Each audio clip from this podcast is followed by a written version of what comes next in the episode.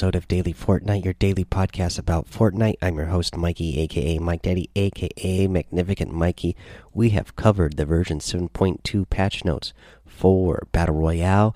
So today we are going to cover uh, the patch notes for Creative and Save the World. So let's get straight into it. For Creative, what's new? The Frosty Fortress, a brand new article a new a brand new arctic island debuts in creative bundle up drop in and bring your vision to life uh, farmstead theme roll up your sleeves and build your dream home in the country with the new farmstead themed prefabs uh, for islands they have the frosty fortress a new selectable selectable arctic island with structures already placed on it this island is ready for games to be played right away. Preview images of islands are now displayed on top of featured islands in the Creative Hub. Fix an issue which caused island portals to not appear when those islands contained many copies of certain types of building tiles or props. Fix an issue where players were able to exit their island and phone tool by being inside prefab structures. Fix an issue where players could take items out of an island to the Creative Hub fixed an issue where traps would remain floating in the air after the supporting wall was removed. For gameplay, they added a new last standing option to allow creators to specify whether they want the game to end when there is only one player or team remaining. That right there is pretty awesome. So, you know, right now you can get 16 players in a creative mode. So, you know, you could play a, a 16 man battle royale with a custom map that you make. So, that's pretty awesome. They added new spawns option to allow players to specify how many times a player can spawn. Again, a lot more uh, control here. Was again very awesome. They added a new player fight option to allow fight flight uh, during games or when the phone is unavailable. They added a new jump fatigue option for enabling and disabling jump height penalties that would normally get applied on rapid successive jumps added new gravity options, high and very high. When traps are equipped from the creative inventory, the new trap will become selected on your quick bar. So, a lot of great uh, changes here that help you customize your game even more. So, a lot of good stuff in here for you guys who have been able to play a whole lot of creative. Uh, you're going to be able to be even more creative now. Uh, they fix some bugs. They fix players' uh, blocked from loading into creative with a network error. The first timing loading may take extra time while the server fixes the load issues with the player's island. Uh, they fixed vehicles causing damage to structures when the world was indestructible or when players did not have permission to edit. Fixed building animations becoming stuck when being moved uh, with the phone mid animation. Fix an issue where the player placed walls uh, would show health bars more often than intended, and fix an issue where tiles would appear red during games. Fix an issue where multiple camera fades would occur on game start and game end. For creative tools and the phone, they added a turbo building to creative. You can now hold down the place button to continuously add building tiles and props as you move and aim. Ooh, that is uh, a big one there for me. That'll help me actually uh, get things done faster when I'm in there in creative mode because uh, I would like to jump in there sometime and um, make some things. But uh, the, when I was in there and you couldn't uh, turbo build, it was like, oh, geez, this is I got to click every time I want to build something. If I want to make some big, huge, awesome looking structure, that's a lot of a lot of pressing. This feature requires turbo building to be enabled in your game settings added turbo delete as well. Holding down the delete button will now continuously destroy building tiles and props. Added a new turbo delete in creative mode option to game settings. This is enabled by default. They added a new effect when utilizing grid snap to help visualize placement. Uh, for bug fixes, they fixed the phone being able to edit or delete objects even when island edit permissions were not granted. Fixed an issue where other walls could vanish when copying a wall using the phone fix an issue with the phone remaining available after a player leaves the island while inside a recently placed prefab. Fix an issue where the drops UI was not displaying the proper value. They fix an issue where the phone hologram could get stuck at a spot in the world after pasting a prop uh, with drops enabled. Fix an issue where, after ro rotating certain walls while moving on grid, those walls would not trigger as being allowed to have traps placed on them. For prefabs, they added six farmstead prefabs and farmstead galleries, added three iced cliff galleries, and they added large cube gallery. Uh, for the devices, uh, they added random spawn options to the item spawner. So, random allows items to spawn in a random order from that spawn list. No repeats spawns items in a random order and will not repeat an item until everything on in the list has spawned once. This only differs from random if item's respawn option is set to on. So renamed the gunner device to sentry added new options to the sentry, added health and shield options, added respawn options, added accuracy and attack range options, added target style, line of sight, and proximity options. They added adaptive aim option to determine whether or not the sentry's aim improves over time. Added attack range visualization when players stand on the sentry plate. New elimination zone device allows the player to place an adjustable zone that will eliminate players if they come in contact with it during a game.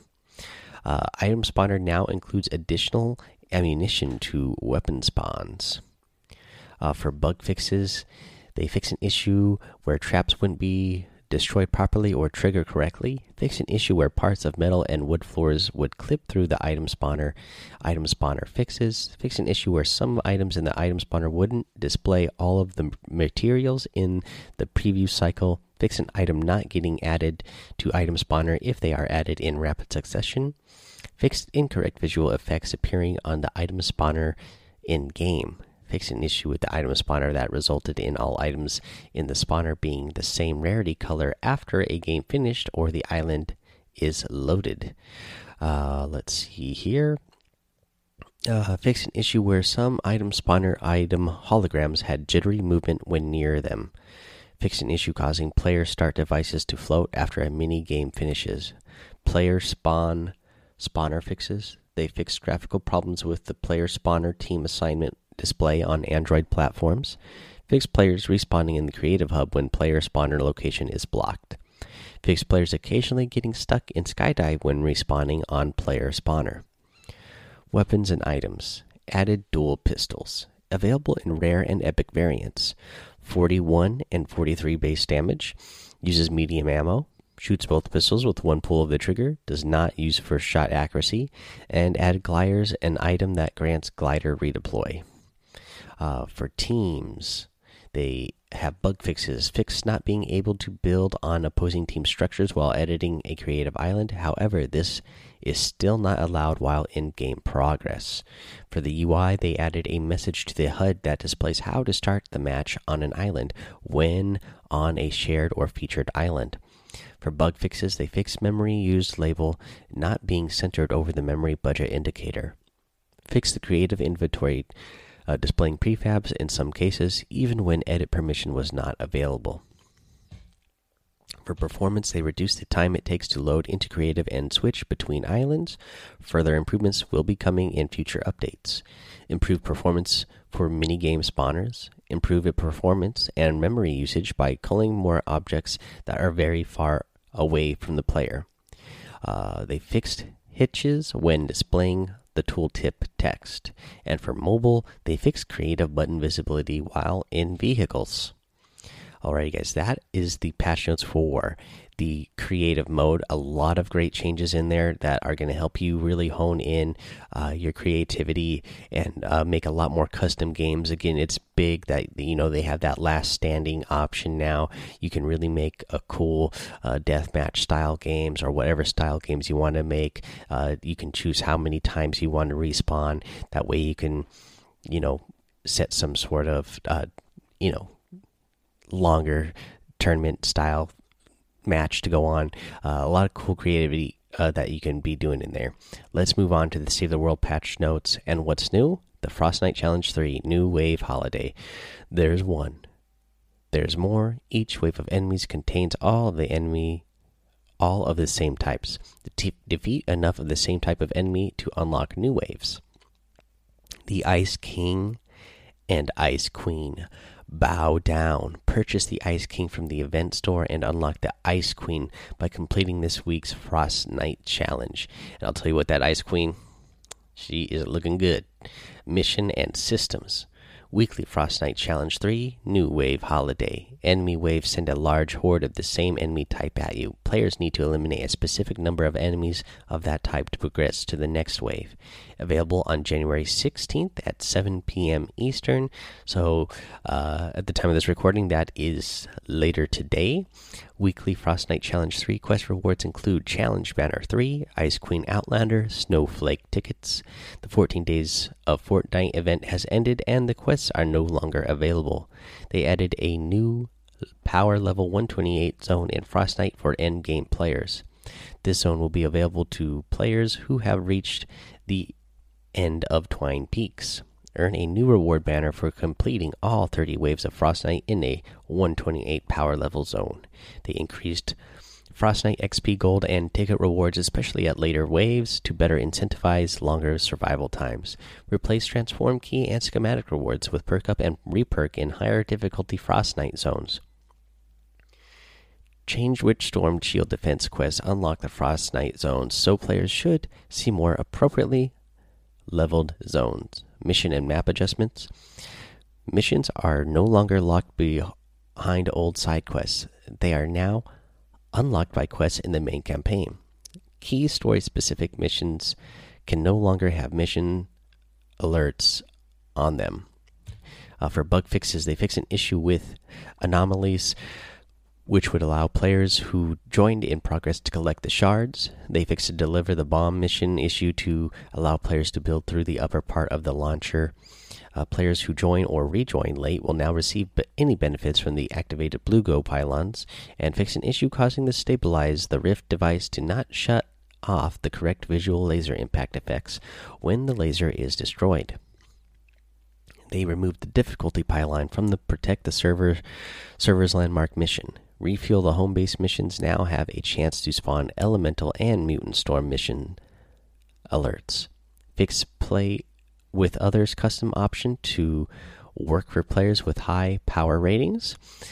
They uh, did some fixes to the UI, of course, and for those players, see what items are eligible for reset by toggling the option from bottom bar uh, of the magnetic schematic and manage hero screens. They added added a confirmation dialog after unslotting a collection book item, telling the player that the item has been added to their inventory. They added a HUD element showing the exit vehicle bound key while using the Rosie turret. For bug fixes, they fixed an issue where certain menus would not unlock in the men main menu, preventing players from progressing through the storyline. Fix for uh, fix for store summary buttons not properly setting their recycle and uh, retire state. Fix an issue that can disable the ability to navigate on the map. Fix a research screen showing research point collection when opening and closing details panel. They updated the Survivor Squad management screen to hide the cycle squad buttons when only one squad is unlocked. They disabled the evolution confirmation button when hovering over evolution options that are disabled. Uh, flag banners and mission end screen should display correct icon and color for all players.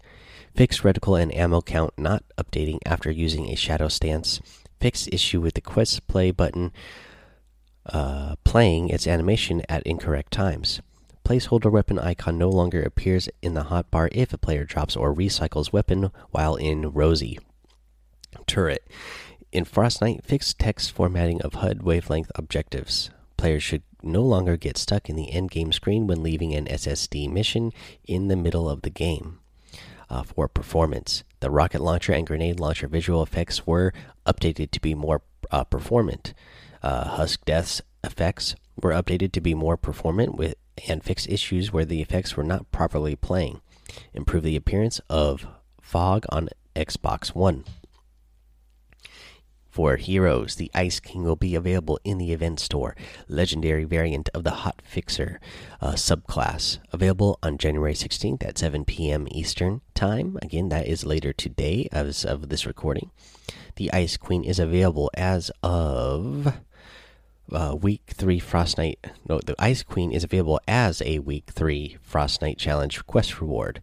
Legendary variant of the Striker subclass, available to earn from January 16th at 7 p.m. Eastern until January 23rd at 7 p.m. Eastern. Note each hero will be unique when the new hero loadout launches. Any hero that had damage resistance perks it converted to armor perks in the 7.1 update is available for an item reset. If you choose to reset a hero, this will return the hero to level 1 and all XP and evolution materials invested into the hero will be refunded. And this next guy's is part is in red. Note that this reset option will be forfeited if any new resources are invested into the hero, or if the hero is slotted into the collection book. Uh, for bug fixes, the Outlander Llama fragment ability will again fall to its knees when it has been destroyed. Uh, let's see here. For weapons and items, The eligible items, uh, heroes, and schematics that have been updated can be reset back to level 1 from the inspect uh, screen via the item reset feature. Players can get a full refund of all XP, evolution materials, and perk up invest when recycling, retiring, or transforming an item that undergoes a significant balance or design change. This does not include reperk spent to change one perk into another. This does not include flux spent to increase the rarity of an item. This option becomes available when a schematic, hero, or other item undergoes a significant balance or design change. These items will then be tagged as eligible for a reset and can be refunded. Increased reperk rewards from the following sources mission rewards get plus 67%, perk caches get 67 plus 6 plus 67%, and the mission alerts get plus 55%. They reduced reperk cost for changing non elemental perks by 40%. Front end crafting will now remove items from the lowest quantity stack first. Enabled resets for the 6 feet under shovel as well as any weapons that had damage resistance perks converted to armor perks. This only apply this only applies to weapons which are above level 1 or have armor perks above their default level as of version 7.2. This does not apply to medieval weapons which were introduced after the armor update. If you choose to reset the item, it will return to level 1 and reduce the rarity of all perks to their starting levels. The XP, evolution materials, and perk up invested in those upgrades will be refunded. This next part is also in red.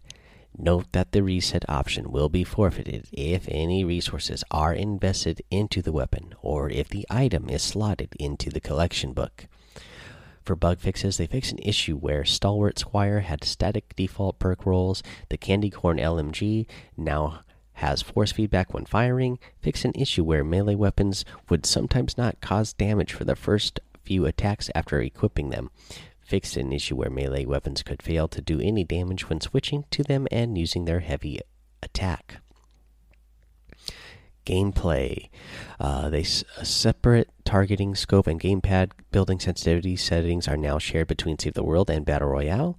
For bug fixes, they fix bug while spectating in Frostnite where husks may not be visible. Fix rare bug where the player could lose control of their character if they respawn while switching spectating targets in Frostnite.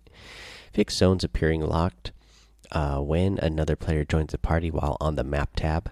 Added a spinner to the zone tiles to indicate that the player is currently fetching, uh, processing the recently joined party member's power rating.